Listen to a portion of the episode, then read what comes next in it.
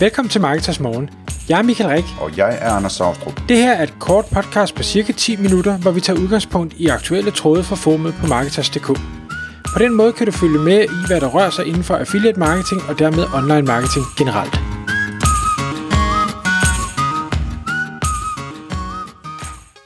Godmorgen Michael. Godmorgen Anders.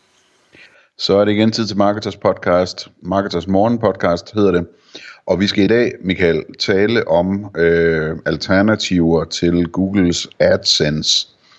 Og øh, det kommer så af en dialog, du har haft med et medlem af Marketers, som har et site med en pokkers masse trafik og øh, ikke øh, en masse muligheder for for eksempel at tjene penge på affiliate-basis på det, øh, som øh, jo næsten altid er foretræk i, øh, i de situationer, hvor, hvor det kan lade sig gøre og derfor så har vedkommende så kørt med, med AdSense, men så skete der noget, og så starter historien her, Michael. Lige præcis.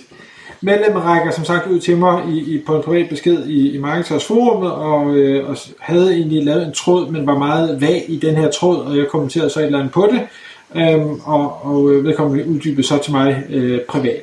Og, og sagen er altså helt rigtigt, som du siger, vedkommende har et, et site, et gammelt site med, med virkelig meget trafik, og der har det øh, for mange, øh, inklusive mig selv også engang, været den nemme løsning at sige, at jeg, jeg låser noget AdSense på, jeg kan bare smide en stum kode ind, øh, og så viser Google, øh, hvad de nu tror, der giver mening at vise, og så håber jeg på, at nogen klikker, og så tjener jeg lidt håndører.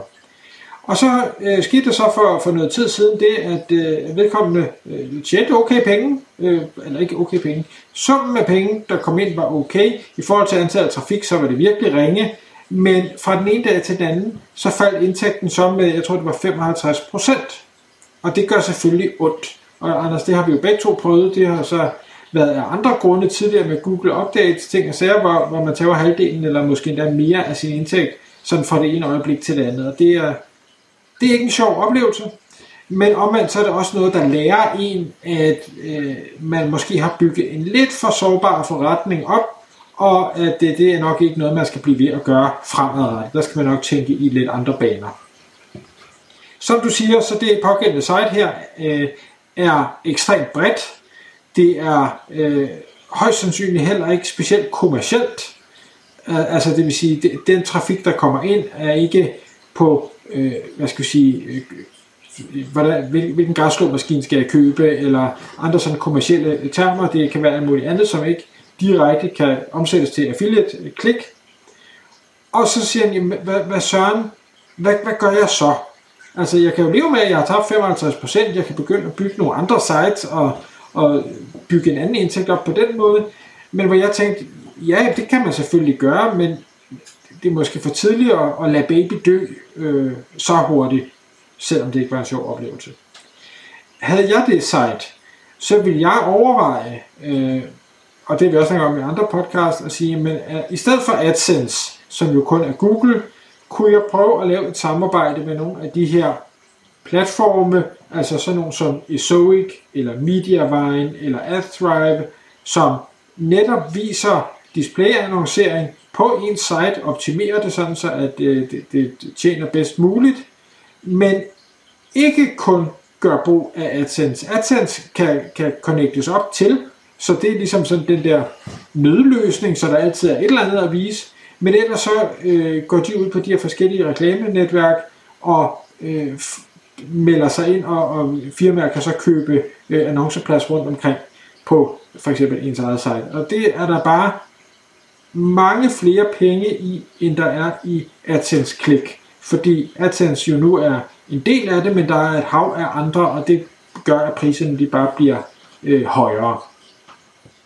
Så det vil jeg helt sikkert gøre, og der tror jeg, at vedkommende øh, meget, meget hurtigt vil opleve, at de 55%, der måtte være tabt, de vil være vundet tilbage øh, alene ved at skifte til et af de her øh, hvad hedder det, displayet netværk.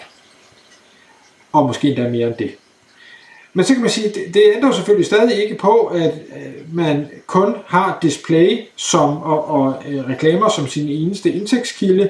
Så hvad kunne man så ellers gøre? En anden øh, relativt nem måde at tjene penge på, det er ved at sælge links. Det er klart, man skal ud og enten række ud til nogle byråer, der køber links, eller til virksomheder, der måtte købe links, og øh, forsøge at sælge det til dem. Man kunne også melde sig til nogle af de her netværk. Jeg mener blandt andet, at den der SEOworks er sådan, at du kan signe dig op og, og stille dit site til rådighed, øh, så andre kan finde det, og så vurdere, om man har lyst til at få øh, købe et link fra det. Det kan der også være nogle fornuftige penge i.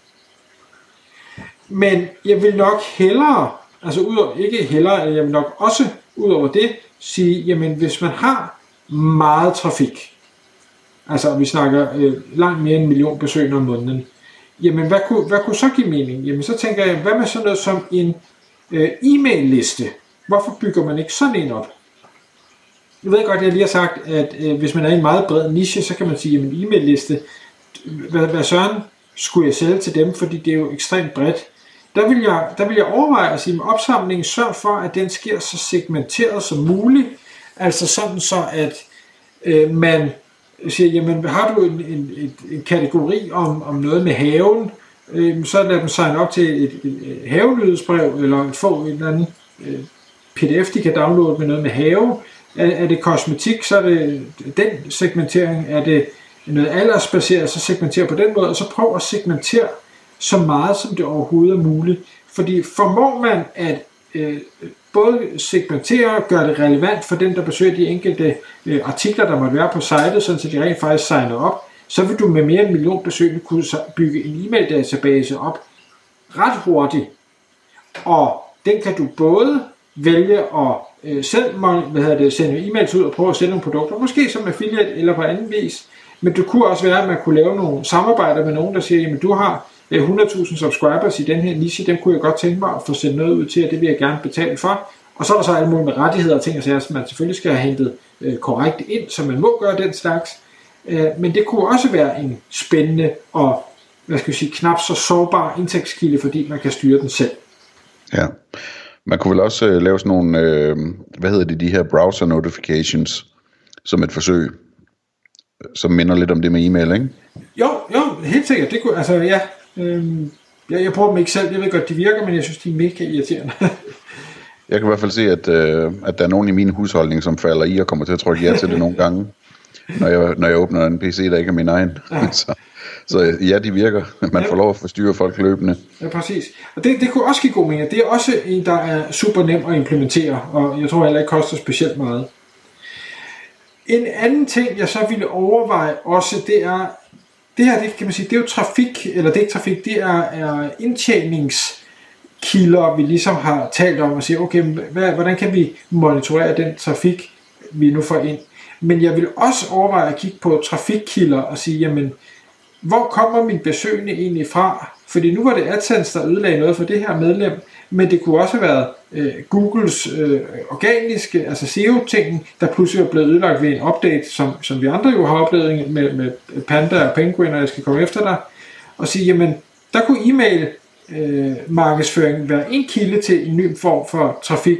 Det kunne også være, at man skulle overveje at bruge sociale medier på en eller anden måde, fordi det kunne sagtens være, at man kunne lave nogle øh, Facebook-grupper inden for de forskellige nicher, og, og fordi man har så meget trafik, så får nogen til at melde sig til der og, og bruge dem på en eller anden måde. Øh, så egentlig for at sige, kan jeg lave min forretning øh, mere solid? Trafikken er der stadig. Hvordan kan jeg bygge et stærkere fundament? Og så kan man jo overveje, hvis man vælger at gå den vej, og så sige, jamen, nu får jeg opbygget en bedre indtægtskilde, en mere varieret indtægtskilde, jeg får opbygget en bedre øh, trafik, øh, et trafikfundament. Og så når jeg har 6 måneders historik, eller 12 måneders historik, eller et eller andet, jamen så lad mig sælge det site til nogle andre, der ser et potentiale i det, og så lad mig tage den gevinst, måske købe noget andet, som er mere i stil med det, jeg i bund og grund gerne vil, og som er diversificeret så meget, som jeg ønsker, at det nu skal være i måske en, en konkret niche, i stedet for i en meget, meget bred niche. Det kunne være en måde at, at så komme videre på. Så det var det, jeg skrev til, til medlemmet i, i et eller andet format i hvert fald. Tak fordi du lyttede med. Vi ville elske at få et ærligt review på iTunes. Hvis du skriver dig op til vores nyhedsbrev på marketers.dk-morgen, får du besked om nye udsendelser i din indbakke.